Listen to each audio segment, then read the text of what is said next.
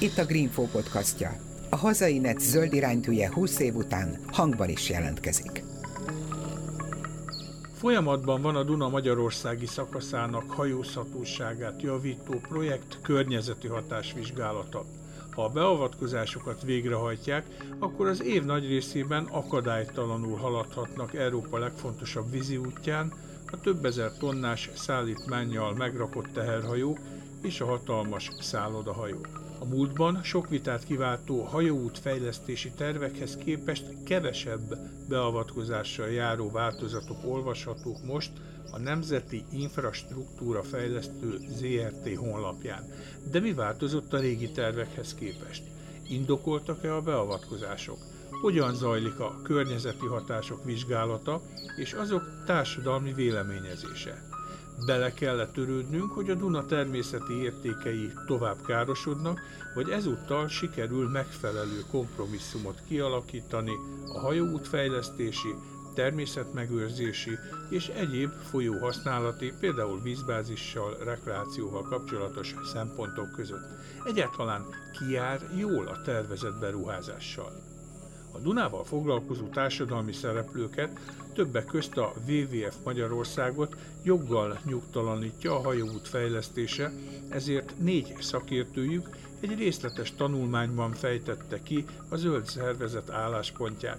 Dedák Dalma, Ádám Szilvia, Samu Andrea és Gruber Tamás írását a Greenphone közöltük. Üdvözlöm a hallgatókat, én Sarkadi Péter vagyok a szerkesztő.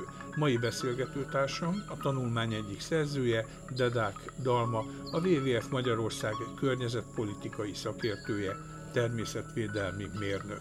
Menjünk a Dunapartra, és nézzük, hogy mik az aggályok, vagy egyáltalán miért tartotta fontosnak a WWF, hogy egy ilyen nagyon alapos és részletes cikkben, tanulmányban foglalkozzon ezzel a témával. Szerettük volna elsősorban a zöld társadalom és a természetért aggódó személyek számára nyilvánvalóvá tenni azt, hogy ez a hajóútfejlesztési program, ez mennyire összetett, mennyire sok olyan kérdést kell vizsgálni ebben, amikre talán első pillantásra nem is gondol az ember. Amikor először elkezdtük írni ezt a kis tikkünket, akkor arra gondoltunk, hogy kizárólag a természetvédelmi szempontokkal foglalkozunk, és csak ilyen érintőlegesen említjük meg a közlekedésfejlesztés, környezetpolitika, társadalompolitika kérdéseit. Viszont amikor én nekiültem annak, hogy na azért néhány összefüggést beleírjak, akkor egyszer csak azon kaptam magam, hogy hát már egy ilyen 12-13 oldalas anyagnál tartok, és még korán sincsen vége. És ez csak te voltál? Még van három másik szakértő?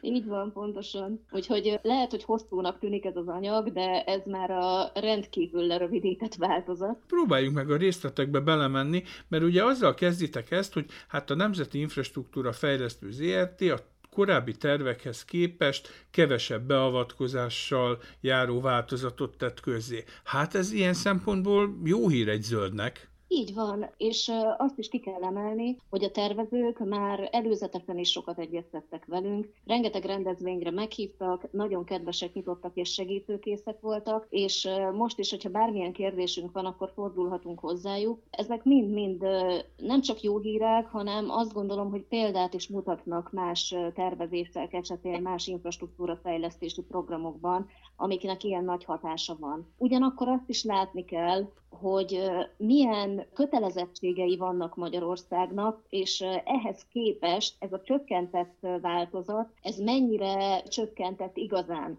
Nagyon fontos az elején leszögezni, hogy Magyarországnak tulajdonképpen kettő olyan nemzetközi kötelezettségnek kell megfelelnie, ami hajóút fejlesztésre vonatkozik.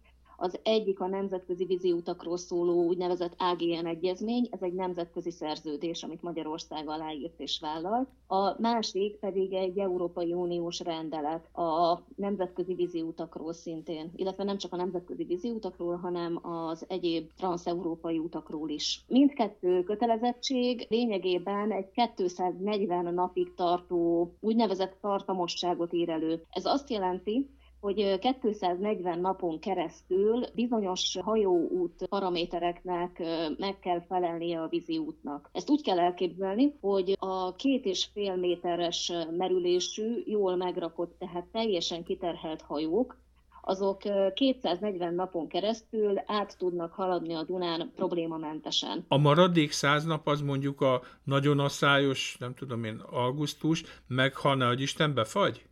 Jellemzően igen, így van. A problémát ugye most az jelenti, hogy mindemellett Magyarország tagja a Dunabizottságnak, és a Dunabizottság megfogalmazott úgynevezett ajánlásokat az országunkkal szemben, ami viszont azt várná el, hogy 343 napon keresztül lehessen hajózni a Dunán. A probléma abból adódik, hogy a felsőbb szakaszokon már végig be van duzzasztva a folyó, tekintettel arra, hogy a felsőbb szakaszoknak a nagyobb esése miatt megérte a vízenergiát hasznosítani. Nálunk egy közép és alsó szakasz jelleg jellemző a folyóra, és Magyarország területén gyakorlatilag Dévénytől Belgrádig teljesen szabadon folyó a Duna, leszámítva azt a területet, ahol ugye bár megépítették a bősi erőművet, bocsánat, a szlovákok a saját részüket, és ezen a szabad folyású szakaszon az asszályos időszakokban, és pláne most a klímaváltozás negatív hatásai miatt rendkívül megnehezült a hajózás. Hektikus, egy kicsit kiszámít kiszámíthatatlanabb most már az, hogy hány napon keresztül lehet hajózni, és ezért azok a cégek, akik a hajós fuvarozást választanák, azok a cégek is inkább még az ömlesztett árut is sokszor teherautókra rakják, vagy vasúton szállítatják, mert nem kiszámítható, hogy hol fog elkezdeni vesztegelni egy hajó. Ilyen szempontból jogos a hajózós cégeknek az elvárása, hogy több napon keresztül lehessen ezen a szabad folyású szakaszon is áthajózni. Na jó, de erre meg azt mondhatják, hogy hát ezeknek a zöldeknek most nincs igaza, mert sokkal környezetszennyezőbb, ha mondjuk ezek az áruk kamionon vagy akár vasúton mennek szemben az uszályokkal. Az egész hajóút fejlesztési projektnek az indokoltsága is nagyjából ez, amit most elmondtál, ugyanis az egész projekt az egy ilyen úgymond zöld beavatkozásként van hirdetve, mert a hajós teherszállítás, ha a közúti forgalommal hasonlítjuk össze, tehát a közúti teherszállítással, akkor lényegesen kisebb kibocsátással jár. Ami ebben egy óriási csapda, az egyfelől az, hogy a közúti teherforgalommal a hajózást nem érdemes összehasonlítani, hiszen az egyik egy rendkívül kötött pályán közlekedő, óriási rakományjal megrakodott, teljesen más áruspektrumot szállító közlekedési eszköz, ez a hajó. A másik pedig a kamion, az egy ilyen multifunkciós és igen rugalmas közlekedési eszköz, és az a csapdája ennek a gondolkodásnak, hogy azt feltételezzük, hogy majd a hajóra át fogják rakni azt a rakományt, amit egyébként kamionon szállítanának, mert hogy az olcsóbb, környezetbarátabb, stb. Csak hogy ez, bár lehet, hogy részben igaz, de ugyanakkor akkor fogja csökkenteni a hajóútfejlesztés a kamionforgalmat, hogyha a szállított árunak a mennyisége és a szállított kilométer az egy állandó dolog. De ezt nem tekinthetjük állandó dolognak egy gazdasági növekedési folyamatban, hiszen minél hatékonyabb az áruszállítás, annál inkább megéri árut szállítani, annál távolabbra éri meg árut szállítani, és akár egy vízi útfejlesztés, akár egy vasútfejlesztés, akár egy közútfejlesztés az újabb és újabb forgalmakat generál, hiszen egyre jobban megéri használni. Mindaddig, amíg nem teszünk olyan korlátozásokat, hogy a kamionokról kötelező átpakolni a hajóra a szállítmányt, és a kamion az csak a kikötőből szállíthatja el a célterületre a szállított árut, addig ennek az égvilágon semmi hatása nem lesz várhatóan a környezetünkre, illetve hát lesz csak negatív hatása. Mondjuk itt lép be a képbe egyébként ugye ez a tervezett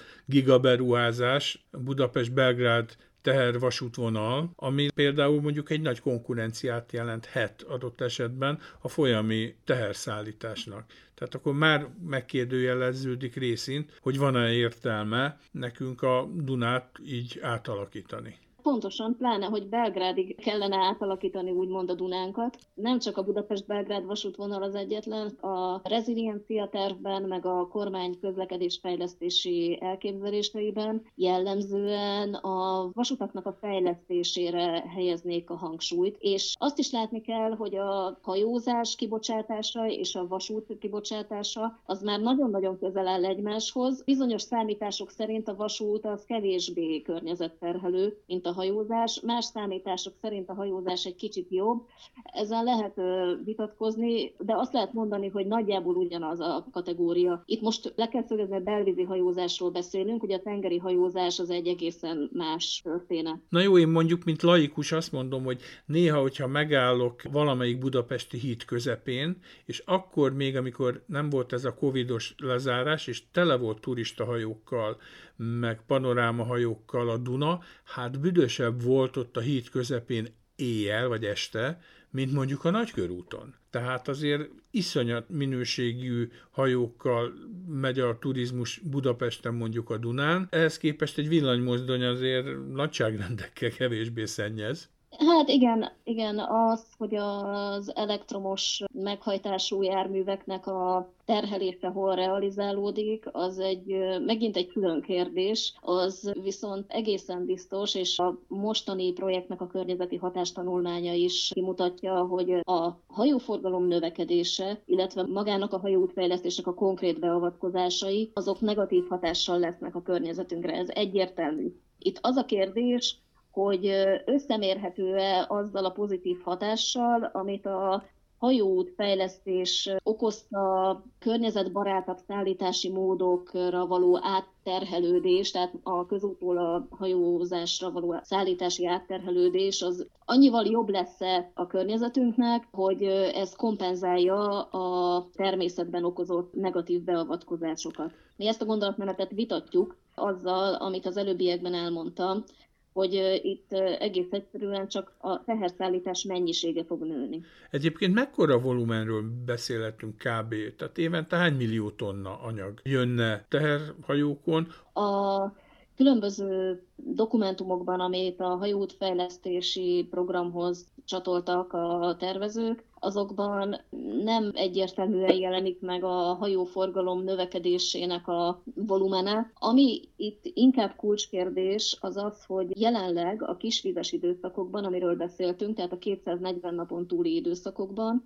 ezek a nagy teherszállító hajók nem tudnak teljes terheléssel közlekedni. Tudnak közlekedni egyébként rendszerint, de teljes rakományjal nem. Így jóval kevésbé éri meg a vízi szállítás. És inkább azzal számolnak a tervezők, hogy egyfelől a kisvizes időszakban megnő a hajóforgalom, másfelől a teljesen kiterhelt hajók is így tudnak közlekedni. Van olyan mondás is, hogy maga a forgalom nem is növekszik, csak az évben arányosan eloszlik. Ez megint egy vitatható és megalapozatlan dolog szerintünk, de még ha el is fogadjuk, ez is óriási problémát jelent az élővilág szempontjából, ugyanis pont a kisvizes időszakban a hajók által keltett hullámverés ami talán a legnagyobb ökológiai problémát okozza az egész hajóút fejlesztési problémakörben, az gyakorlatilag a vízi élővilágot jelentős mértékben kipusztítja. Ugyanis a halivadékok például nincsenek felkészülve evolúciósan arra,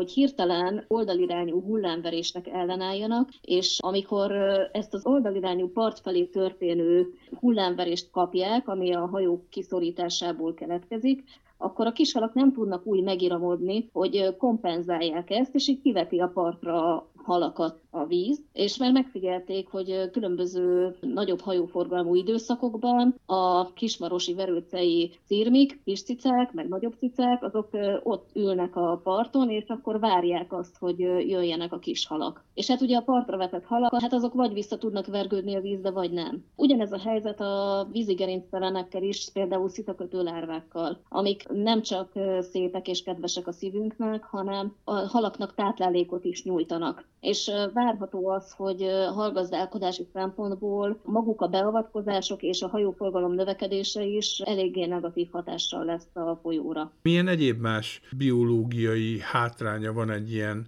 Mert hogy itt végül is ugye mederkotrásról lenne szó, meg gátépítésről.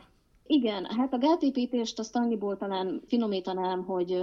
Vagy fenékküszöbb. Úgynevezett fenékbordák fognak, ezek egy ilyen szelidebb hajlásúak, nem emelkednek ki a vízszintből, de hát egy folyószabályozási eszköz ez is, illetve úgynevezett sevrongát építése, ami egy új technológia, nincsen még ilyen a hazai Duna szakaszon. Ez is egyfajta visszadúzzasztó hatást kell, de nem egy teljes keresztirányú zárásra kell gondolni. Ez arról szól, hogy a Dunának az egyébként is mélyülő medre, ami miatt a vízszintek ugye folyamatosan csökkennek, ez nem mélyüljön tovább, illetve valamennyire visszadúzzasztódjon, az áramlásnak a sebességét csökkentsék, és ezáltal javítsák a hajó tulajdonságait, hogy a mélyebb merülésű hajó hajók azok ugye a magasabb vízben el tudjanak menni. Ugyanakkor ezzel ellentétes hatásúak a kotrások. A kotrácok pedig arról szólnak, hogy azokban a hajó szűkületekben, ahol nem tudnak elmenni hát vagy egymás mellett, vagy már egyedül sem a hajó, nevezhetjük ezeket csúcsgázlóknak is. Ezek esetében a medret kimélyítik, és van, ahol igen drasztikusan kimélyítik, meglehetősen nagy mederanyag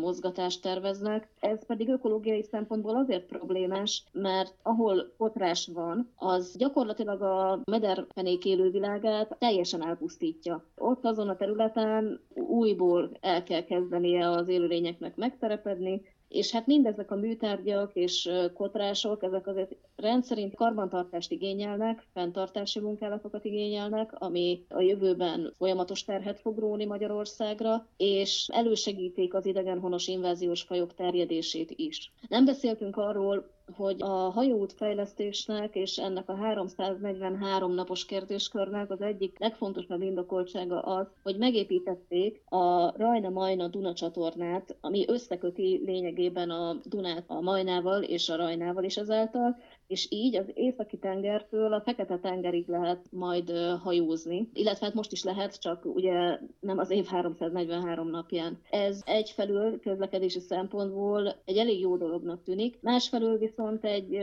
olyan folyosót nyitott a fajok terjedésének, ami így már lehetővé teszi, hogy a fekete-tengeri meg az ilyen pontokasztikus fajokat végig föl lehessen vinni a rajnáig, ahová az életben nem kerülnének el. És hát a hajók azok ballasztvizükkel, meg a felületükre tapadva igen intenzíven szállítják ezeket a jószágokat, amik hallgazdálkodási szempontból, ökológiai szempontból óriási károkat okoznak. És viszont északról délfele. És viszont is így van, így van, csak hát ugye azért számolni kell a felmelegedés hatásaival, inkább a déli irányból történő térnyerés az, ami jelentősebb, Magyarországon legalábbis ennek a hatásai jobban érződnek. Várhatóan a felsőbb szakaszokon is fog érződni, ha még nem történt meg. Mondasz egy pár fajt, konkrétumot, hogy mivel találkozhatunk ma, ami egyértelműen délről a hajózás miatt jött föl észak fele? Tipikusan ilyenek a gépfajok. Emlékszem rá, hogy régebben, amikor horgáztunk, akkor elképzelhetetlen volt, hogy így Dunán gépet fogjunk, vagy nagyon ritka volt. Most számos olyan idegenhonos gépfaj, ezek halak, Egyébként a, azok kedvéért mondom, akik kevésbé... Nem horgásznak? Nem horgásznak, igen. Az elmúlt 10-15 évben viszont olyannyira elszaporodtak Magyarországon, hogy már szinte nem telik el úgy egy horgászat, hogy ne fogna valaki idegenhonos gép halat.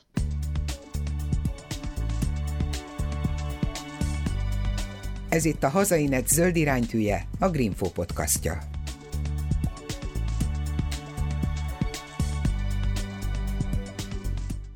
ezt kifizetni egyébként? Tehát ez ugye Magyarország szempontjából egy uniós kötelezettségvállalás, akkor ezt, ezt nekünk kell fizetni, vagy ezt az Unió megtámogatja? Maga a tervezés 85%-ban folyik uniós forrásból, úgy tudom. A beavatkozásoknak is várhatóan hasonló lesz a támogatási intenzitása. A Fenntartási költségek azok viszont várhatóan 100%-ban nemzeti költségek lesznek, és még nem beszéltünk a kikötőfejlesztésről, és hogyha valóban nő a hajóforgalom, akkor a kikötőhöz kötődő infrastruktúráknak a fejlesztéséről, ami egy kulcskérdés lenne, de sajnos a hatásvizsgálatok eléggé szűkszavúan fogalmaznak ezzel kapcsolatban. Mi tartunk attól, hogy a nemzetközileg fontos kikötőknek nyilvánított területek, azok jelentős úgymond fejlesztésnek lesznek kitéve. Fejlesztés alatt itt útépítéseket értünk, és olyan típusú betonozással járó beavatkozásokat, amik tovább rontják a természeti környezet állapotát szárazföldön is. Ez egyébként hány kikötőt érinthet Magyarországon? Hát nyilván ugye Budapest, azt gondolom Csepel, a most meglevő szabad kikötő, nyilvánvalóan Győr környéke, esetleg nem tudom, Komárom, Baja, Mohács, ezek a legfontosabbak, amiket említettél, igen. Az, hogy hány kikötőt fog érinteni, nem derül ki jelenleg az anyagból, mert a kikötőfejlesztés az egy külön projekt keretében fog menni. És sajnos ennek a hatásai, amik járulékosan akár rendkívül nagyok is lehetnek, illetve minimálisak is lehetnek, attól függően, hogy hogyan tervezik a kikötőket, és mennyire fog nőni a hajóforgalom és a kikötők igénybevétele, attól függően ez, ez teljesen változhat. Nekünk az egyik problémánk a tervel, hogy a kikötő kérdését, illetve annak a hatásait a szűkszavúan tárgyalja. És egyébként itt most milyen határidők vannak? Hát a stratégiai környezeti vizsgálat értékelése zajlik most, amit holnapig lehet társadalmi szereplőknek véleményezni. Mármint, hogy március harmadikáig. Így van, március harmadikáig, és ezt követően hogy a tervezőknek milyen határidők állnak a rendelkezésére, azt ugye nem tudni, vagy legalábbis mi nem tudjuk, de magát a stratégiai környezeti vizsgálatot a kormány fogadja el, vagy utasítja el attól függően, hogy mi a döntés. Hogyha ez megtörténik, akkor utána kezdődnek a területi környezeti hatásvizsgálatok amik érdekes módon eredetileg elkezdődtek már a stratégiai környezeti vizsgálat előtt, miközben a stratégiai környezeti vizsgálat szempontjait, azokat integrálni kellene a területi környezeti hatásvizsgálatokba. Ezt kifogásoltuk is, és egy nagyon példaértékű döntés született a Bács-Kiskun megyei kormányhivatalnál, aki felfüggesztette a környezeti hatásvizsgálati eljárást mindaddig, amíg a stratégiai környezeti vizsgálatok le nem zajlanak. Hát ez ilyen érdekes, furcsa sorrendiség felborulás. E, igen, ezt e, mi sem igazán értettük, és e, kifejezetten aggályosnak találtuk. Ugyanakkor nagyon örülünk a hatóság döntésének, mert sajnos a korábbi tapasztalat az volt, hogy a stratégiai környezeti vizsgálatnak a szempontjait, azokat nagyon-nagyon kevés esetben integrálták a környezeti hatásvizsgálatba, viszont azzal, hogy a hatóság kimondta, hogy úgynevezett előkérdésként került tárgyalásra a stratégiai környezeti vizsgálat, ezzel szinte elismerte azt, hogy saját magára nézve is kötelezők az abban foglalt szempontok, és erre precedens tudtommal Magyarországon még nem volt, úgyhogy mi ennek a dolognak összességében mégis örülünk. Ti összeírtatok itt az SKV, tehát a stratégiai Európai Környezeti Vizsgálat kapcsán egy pár olyan alapvető elvárást, amit elkerülhetetlennek tartotok, hogy ez megvalósuljon. Nézzünk akkor egy párat. Igen, azt előjáróban el kell mondanom, hogy bár nem örülünk neki természetvédelmi szervezetként, hogy bármilyen mederszabályozás is történik a Dunán. Ugyanakkor látjuk azt, hogy a hajózás is egy olyan társadalmi érdek, aminek a fejlesztését nem gátolni kell, hanem összehangolni a különböző egyéb társadalmi szempontokkal, egyéb közérdekekkel, mint a természetvédelmi közérdek. Ezért úgy döntöttünk, hogy olyan alapvetéseket és minimum követelményeket fogalmazunk meg a tervezőkkel szemben, amiket úgy gondolunk, hogy mindenképpen teljesítenie kell egy ilyen programnak ahhoz, hogy hogy fenntarthatóbb legyen annál, mint amilyen esetleg lehetne, hogyha ezeket az alapvetéseket nem tartanák be. Ami talán a legfontosabb ezek közül, hogy mi szeretnénk azt, hogy maga a hajóút fejlesztési program tartalmazzon egy olyan kitételt, hogy a magyarországi Dunaszakaszon a fejlesztéseket úgy kell szervezni, hogy lehetőség szerint, de leginkább mindenkor elkerüljük a duzzasztást. Ez úgy tűnik, mintha egy ilyen harc lenne valamilyen nem is tudom, tehát hogy mint hogyha a levegőbe lövöldöznénk, vagy a, vagy a levegővel kardoznánk, hiszen duzzasztásról jelenleg szó sincsen. Ugyanakkor látható, hogy vannak arra utaló jelek, hogy így hosszabb távon nem elkerülhető beavatkozásnak tartják a vízi útfejlesztők, illetve egyéb Duna hasznosítással kapcsolatos fejlesztések a duzzasztás kérdését. Ezért mi úgy gondoljuk, hogy ezt mindenek előtt le kell szögezni, hogy, hogy a Dunát ne duzzasztuk be, maradjon szabadon folyó, természetközeli folyószakasz, hiszen az összes hozzá kapcsolódó társadalmi érdek az alapvetően igényli azt, hogy a Duna ökológiai állapota jó legyen, hiszen ha a Dunában élő halaknak jó, akkor a Dunaparton élő embereknek is jó. Csak ezt nagyon nehéz levezetni, nagyon nehéz bemutatni, hogy egy úgynevezett ökoszisztéma szolgáltatás milyen hatással van az emberi életminőségre de mondjuk azáltal, hogy mondjuk elképzeljük, hogy a Dunán kenúzó kisgyerekeket egy jelentősebb hajó hullámverése belefordítja a vízbe, azáltal már egy kicsikét így közelebb hozzuk magunkhoz ezt a kérdést. Mondjuk azért zárójelben itt a duzzasztással kapcsolatban felmerült már az, hogy a leendő paksi új két blokk miatt ott mindenféleképpen kellene a Dunát duzzasztani, mert hogy pár évvel ezelőtt, amikor ilyen nagyon meleg, asszályos augusztus volt, akkor ott felmelegedett bizony a Duna a paksi hűtővíz beáramlás miatt, és hogyha még itt két blokkot hozzácsapunk, akkor ez bármikor sajnos ilyen időjárási anomáliák mellett előfordulhat, és akkor azt mondja az állam, hogy kész passz, kiemelt beruházás, esetleg duzzasztunk. Igen, egyébként hozzátenném, hogy kiemelt beruházás a hajóútfejlesztés is, ennek ellenére függesztette fel a hatósága a környezeti hatásvizsgálati eljárást. Tehát azért a kiemelt beruházás nem azt jelenti, hogy a társadalmi egyeztetést teljesen mellőzni kell, csak a határidők jelentősen rövidülnek. A paksi beruházás kapcsán sajnos nincsen információnk arról, hogy mit terveznek.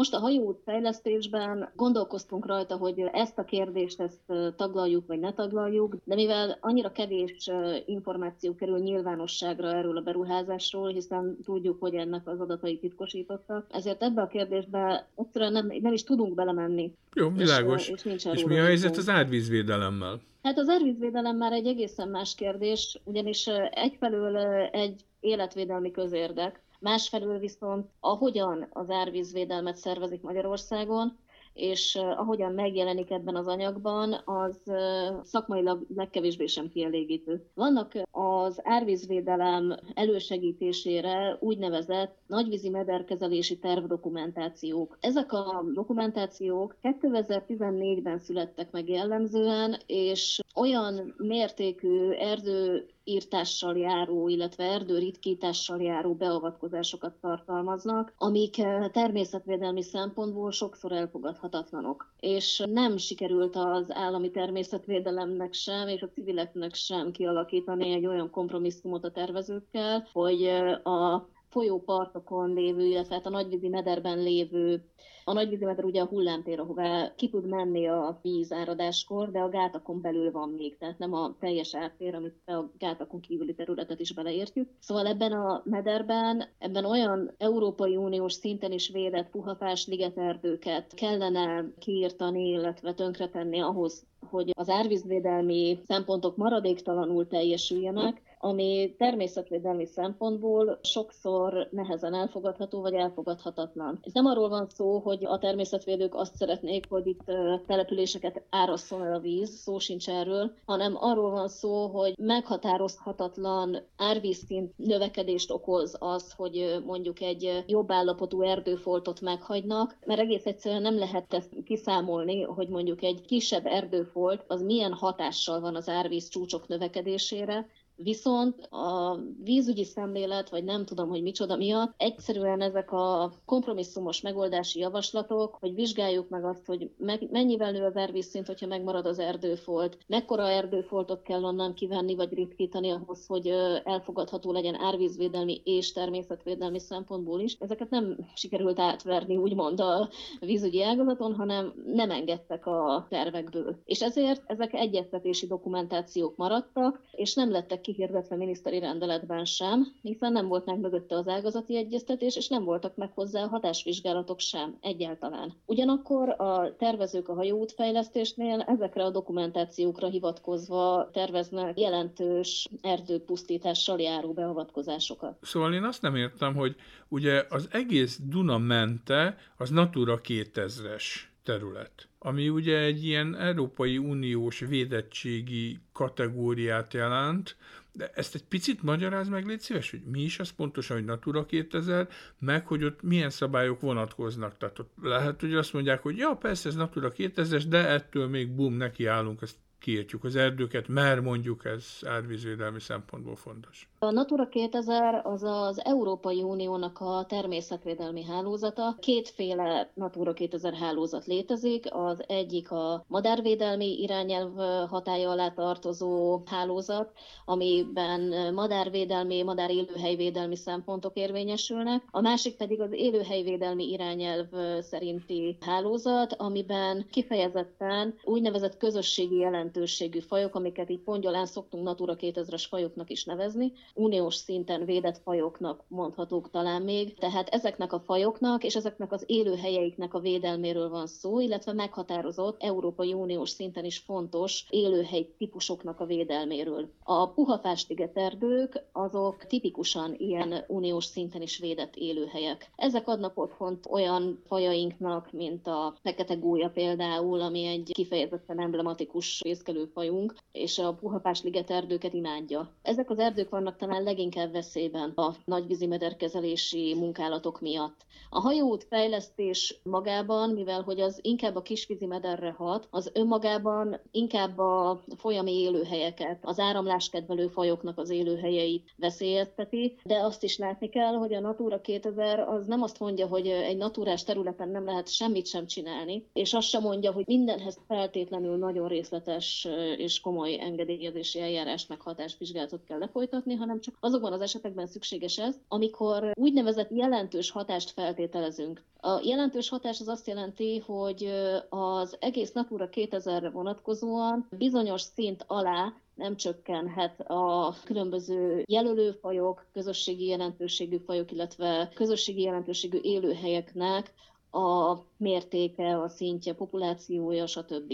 Tehát itt azt kell mérlegelni, hogy mekkora hatással jár egy beruházás. És ez eltér a mi védettségi fogalmunktól, mert ugye mi azt mondjuk, hogy mit tudom én, egy csillagvirág az mondjuk 5000 forintot ér, és mondjuk ezt az 5000 forintot, hogyha valaki mondjuk lefedi, akkor azt ki kell fizetnie. Közösségi jelentőségű fajnál ez igazából így nincs meg, viszont hogy ha mondjuk az élőhely rendszer integritását veszélyezteti az, hogy beavatkoznak az adott terület állapotába, mondjuk mint a nagyvízi mederkezelésnél, hogy a folyó mentén hosszan, sávokban kivágják és titkítják az erdőket, az már nagy valószínűséggel jelentős hatással járhat, és a Dunai vízi fejlesztésnél, aminek jelentős hatása lehet leginkább, az elsősorban pontosan az olyan halfajoknak és vízigerinctelen fajoknak a populációi vannak veszélyben, amik ezt a bizonyos oldalirányú hullámverést nem bírják bírják. Tehát itt a kisvizes időben történő hajóforgalom növekedés az, aminek a legjelentősebb hatása lehet, és sajnos, mivel ez egy nagyon hosszú távú hatás, amire nincsen igazán jó kutatási idősor Magyarországon, ezért ezt nagyon nehéz vizsgálni és becsülni. Ezért nem is meri kijelenteni a hatásvizsgálat, sem a hozzá kapcsolódó Natura hatásbecslés azt, hogy itt jelentős hatással érintettek ezek a fajok, hanem csak így óvatosan jelzi, hogy elképzelhető, hogy ilyen típusú terhelések jelentős hatással lehetnek majd a jövőben.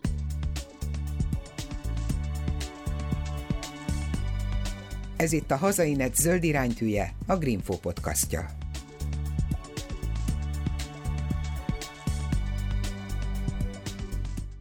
Ti itt ebben a tanulmányban egy kis fejezetben történeti áttekintést is nyújtotok, úgyhogy akkor most menjünk vissza a 17. századig, hogy hogy is áll ez az egész folyószabályzás, folyó átalakítás? Igen, ezt a történelmi kitekintést azért gondoltuk, hogy tegyük bele, mert rendszeresen elhangzó érv az a hajóút fejlesztés kapcsán, hogy a Dunán mindig is kotortak, a Dunán mindig is közlekedtek hajók, ez teljesen természetes, teljesen normális.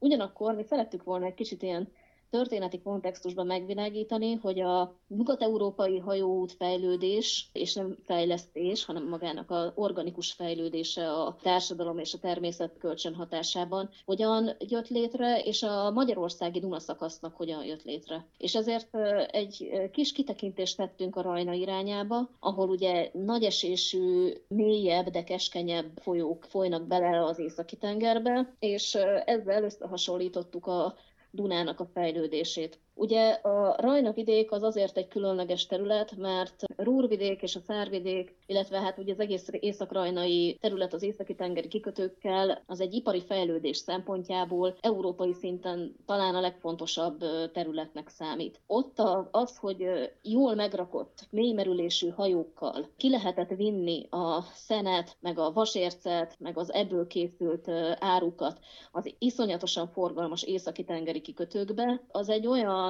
hajtóerő volt, ami miatt jelenleg is a Rajna vidéki hajózási vállalatok teszik ki az európai belvízi hajózási részesedésének a 70%-át. Ez egy borzasztóan inspiráló folyamat volt a hajóút fejlesztés szempontjából.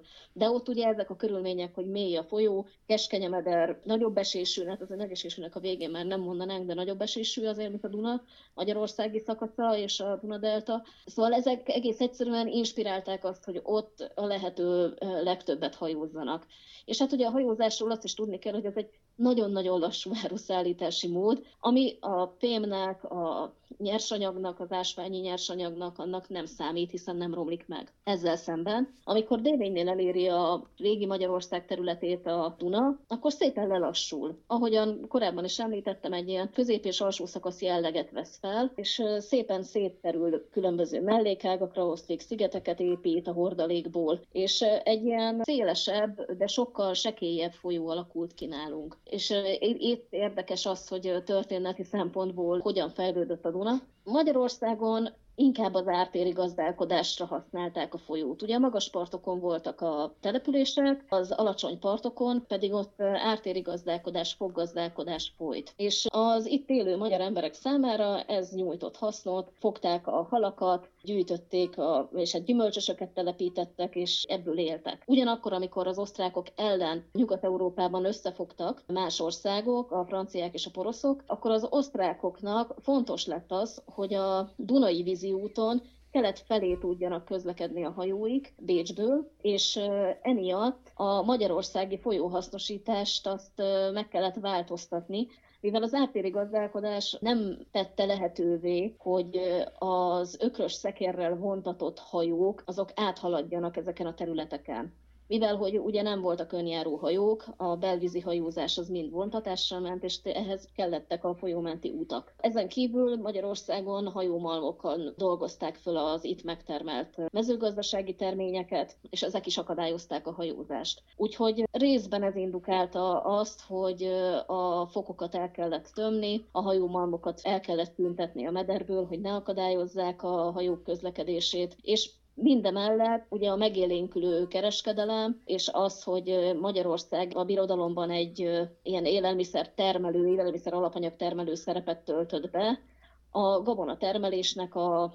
fontossága felértékelődött. A gabonát azt pedig lassan lehet szállítani, ellentétben az ártéri gazdálkodás terményeivel. És ezt a lassan szállított gabonát, ezt az ártereken meg kellett termelni, ehhez vízmentesíteni kellett az ártereket. Tehát ezek azok az összefüggések, amik kontextusba helyezik azt, hogy a mostani hajóút fejlesztés is Magyarországon miért ilyen mostoha gyerek. Egész egyszerűen a jelenlegi Magyarország területének, de még a régi Magyarország területén is nem érte meg igazán hajózni. Ami megérte, az az, hogy Bécsből a Fekete-tengerig vitték az árut. Egy adatot hadd idézzek, amiről egyébként már részint szó volt, ezt írtátok. Az összes európai belvízi hajózási társaság 87,5 százaléka rajnamenti országokban található, és a teljes európai belvízi áruszállítási teljesítmény 70 százalékát holland és német vállalkozások állítják elő, ezzel szemben Magyarország az összes európai víziszállítás mindössze 1,2%-át adja, míg Románia 9%-kal részesedik. Ebből számomra kiderül, hogy kinek az érdeke. Igen, hát aggódunk amiatt, hogy itt a Duna-Majna-Rajna vízi úton szállított áruk, azok elsősorban az Északi-tenger és Fekete-tenger közötti tranzitforgalmat fogják biztosítani, tehát Magyarországon szinte csak át fognak haladni a hajók. Tekintettel arra, hogy uniós országok hajóiról van szó jellemzően, ezért Magyarországnak ebből gyakorlatilag semmilyen bevétele nem fog származni, viszont rengeteg kiadása az, hogy a műtárgyakat, amikről beszéltünk, biztosítsa, a folyamatos kotrással fenntartsa a hajóutat, és hát a kikötőfejlesztést is lehetőség szerint úgy tervezve, hogy biztosítsa az áruk célba juttatását, természetesen kamionokkal és esetleg vasúttal. Tehát nagyon kicsi a valószínűsége, hogy a magyar hajózási vállalatok versenyképesebbé válnak azáltal, hogy itt fejlesztjük a hajóutat. Sokkal valószínűbb, hogy a forgalmas kikötőkkel rendelkező országok hajózási vállalatainak a profitját fogja növelni ez a dolog, és hát más országok GDP-ében jelentkezik a forgalom növekedésből adódó gazdasági fejlődés. Ez egy régi aggály egyébként. Talán ez is az oka annak, hogy a kormány álláspontja sem egyértelmű a hajóút fejlesztés kapcsán. Meg hát aki ebből valószínűleg jó sokat profitál, azok ezek a hatalmas nagy szállodahajók, amiket most ugye a Covid miatt nem látunk itt például Budapesten, de amikor nem volt Covid, és turisztikai nagyüzem van, akkor szinte már elgátolják a, a, a Dunát, mert olyan iszonyú mennyiség van belőlük, és borzasztóan nagyok ezek a hajók. És ezeknek sincs meg egyébként a normális infrastruktúrája. És nem csak ez a probléma velük, hanem az, hogy ez egy olyan fajta turizmus, ami nem a fogadó országoknak a bevételeit növeli, mivel hogy a szállodahajókon szállított emberek úgymond nem csak, nem csak utaznak a szállodahajón, hanem ott étkeznek, ott alszanak, tehát a szállást és a egyéb szolgáltatásokat nem Magyarországon használják, hanem a szállodahajózó cégnek a profitját növelik hát, ezzel. Ő, igen, igen, igen, az ő profitjukat növelik. Tehát a szállodahajózás az ilyen szempontból egy, egy sokat kritizált ágazat, és a szállodahajók szennyezése is sokszor felmerülő probléma. Itt a hableány tragédia kapcsán ezt azt hiszem, hogy a sajtó eléggé körüljárta, akkor volt egy kicsit ilyen szállodahajó ellenes hangulat is Magyarországon, úgy vettem észre de ez indokolt. Egyfelől egyébként a szállodahajózás egy eléggé jól működő ágazat. Érdemes megnézni, hogy mennyibe kerül egy, egy komolyabb szállodahajós foglalás. Iszonyatosan drága. Tehát, hogy azért ez nem a szegény embereknek a turizmusa. Másfelől azoknak az országoknak, amin a szállodahajók áthaladnak, ez, ez nem igazán nyereséges. De a turisták azért természetesen lefényképezik a különböző szép városokat, meg a különböző természeti adottságokat, de aztán, aztán ugye visszaszállnak a hajóra étkezni, meg aludni. Ti ezt a tanulmányt ugye most megírtátok, ami megjelent nálunk a Greenphone. Gondolom, hogy ezután is folyamatosan szemmel tartjátok, figyelemmel kíséritek itt a történéseket, és ha lehet, akkor beleszóltok. Igen, jelenleg is dolgozunk a stratégiai környezeti vizsgálathoz adott véleményünkön. Leginkább olyan szempontokat szeretnénk, hogyha érvényesítene ez a vizsgálat, ami bemutatja azt, hogy jelenleg a beavatkozás nélküli hajóút a Dunán, milyen lehetőségekkel és problémákkal terhelt.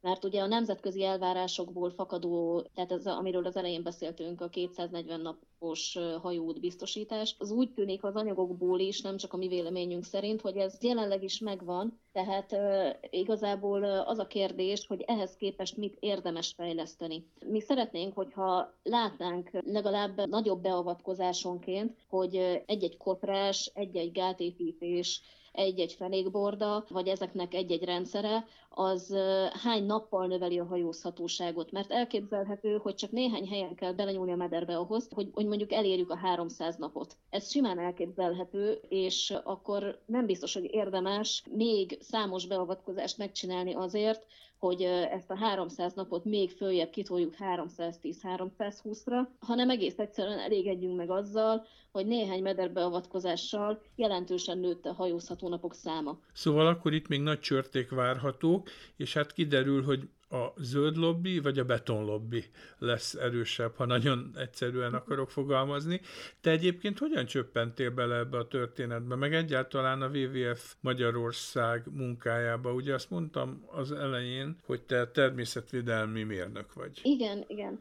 Én mióta megtaláltam ezt a hivatást, tehát a természetvédelmet, azóta igazából nem is foglalkoztam más területekkel. Nem is természetvédelmi mérnök szakon kezdtem egyébként a tanulmányaimat, mert fogalmam nem volt 18 évesen, hogy mivel fogok foglalkozni, úgyhogy beírtam egy csomó össze-vissza szakot a orvositól kezdve mindenig, bár orvos nem akartam lenni, csak ezt mondtam, a, ezt mondtam az osztályfőnökömnek azért, hogy ne legyen probléma abból, hogy én emelt szintű érettséget akarok csinálni, mert lett volna. Szóval így beírtam egy csomó szakot, és akkor földrajz szakra vettek föl. Ott nagyon-nagyon megszerettem a természettel való foglalkozást, amit egyébként kicsi korom óta rendkívül szeretek, és ezért megfogalmazódott bennem, hogy én a természetért akarok dolgozni, és amikor ez teljesen határozottan kialakult, akkor, akkor ott is hagytam a különböző szakjaimat, mert jártam egyéb szakokra is, és elvégeztem a természetvédelmi mérnöki képzést, és ott már a szakmai gyakorlatom során az Agrárminisztérium természetmegőrzési főosztályára kerültem, így lényegében még a Szent István Egyetem hallgatója voltam,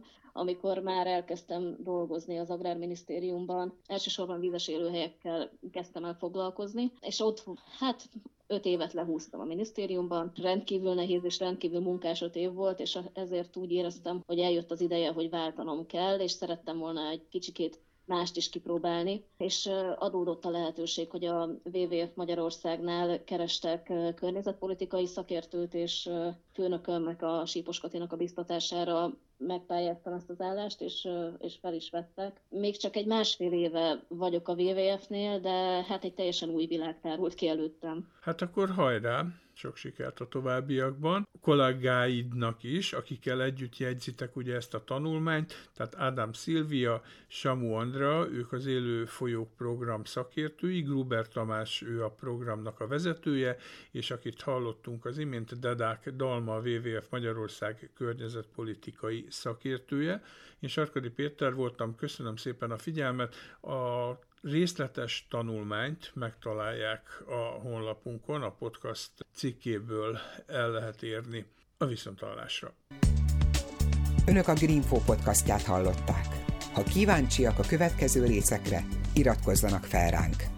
Honlapunkon a 120 ezer tételes napi sajtószemle mellett a 20 év alatt megjelent 44 ezer cikket is megtalálják, ahogyan az összes napra készen tartott rovatunk bejegyzéseit is.